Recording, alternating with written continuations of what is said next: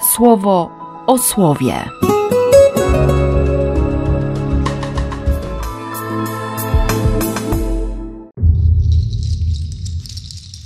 6 listopada, sobota.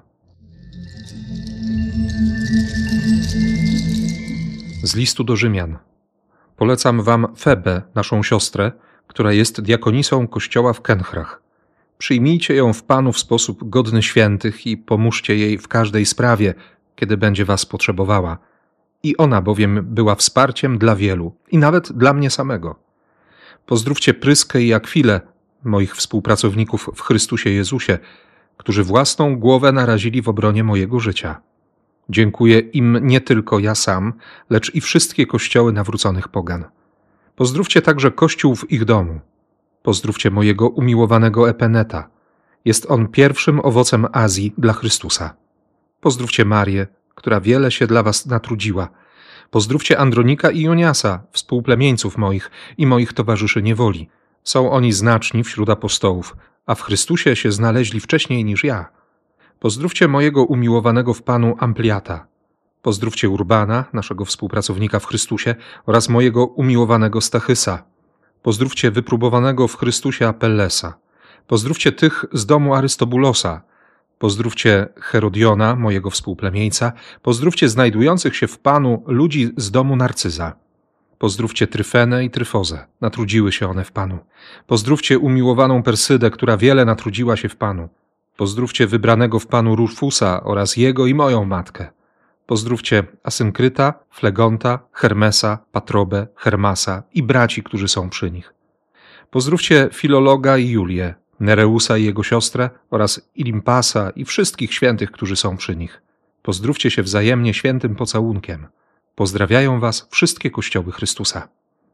Proszę Was, bracia, byście uważali na tych, którzy doprowadzają do rozłamów i do zgorszenia, mimo nauki, którą przyjęliście.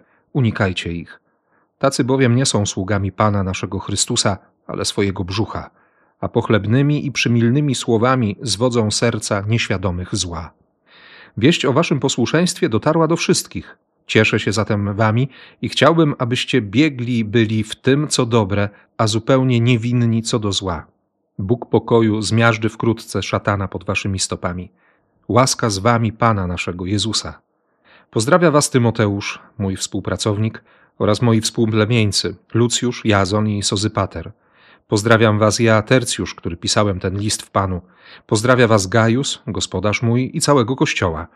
Pozdrawia was Erastus, skarbnik miasta oraz Kwartus, brat a temu, który ma moc was utwierdzić zgodnie z moją Ewangelią i głoszeniem Jezusa Chrystusa, zgodnie z objawioną tajemnicą, przez odwieczne czasy milczącą, a teraz już objawioną za pośrednictwem pism prorockich, zgodnie z rozkazem wiekuistego Boga, i daną do poznania wszystkim poganom, by wierze byli posłuszni, jedynemu, mądremu Bogu chwała na wieki za pośrednictwem Jezusa Chrystusa.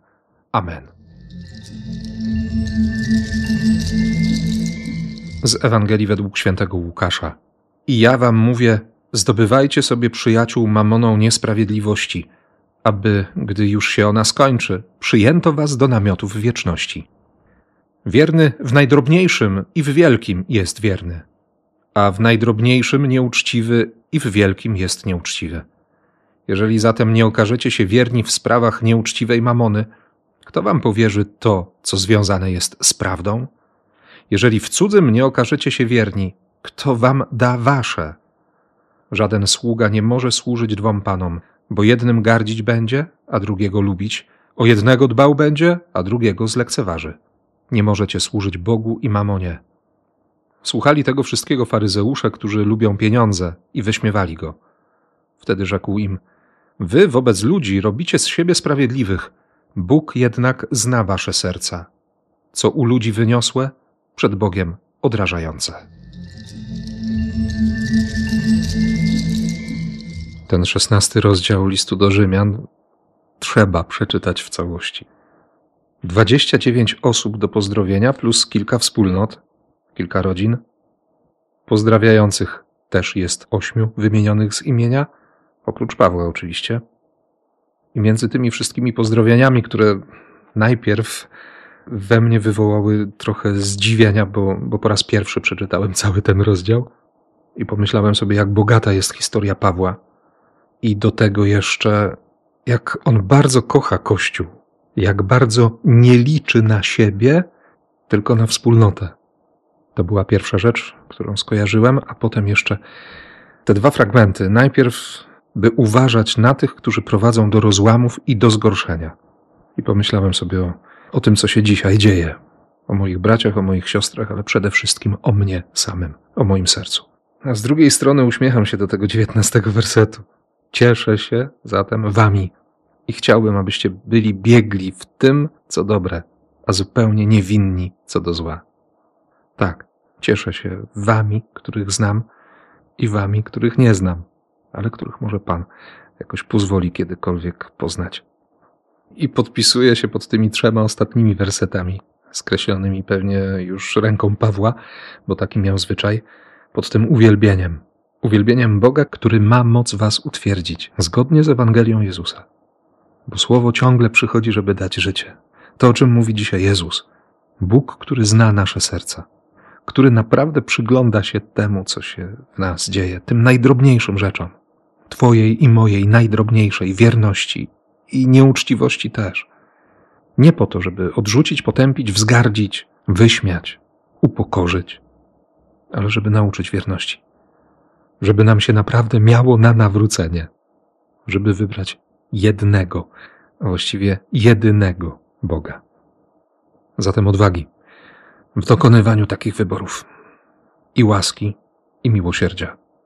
W imię Ojca i Syna i Ducha Świętego. Amen. Słowo o słowie.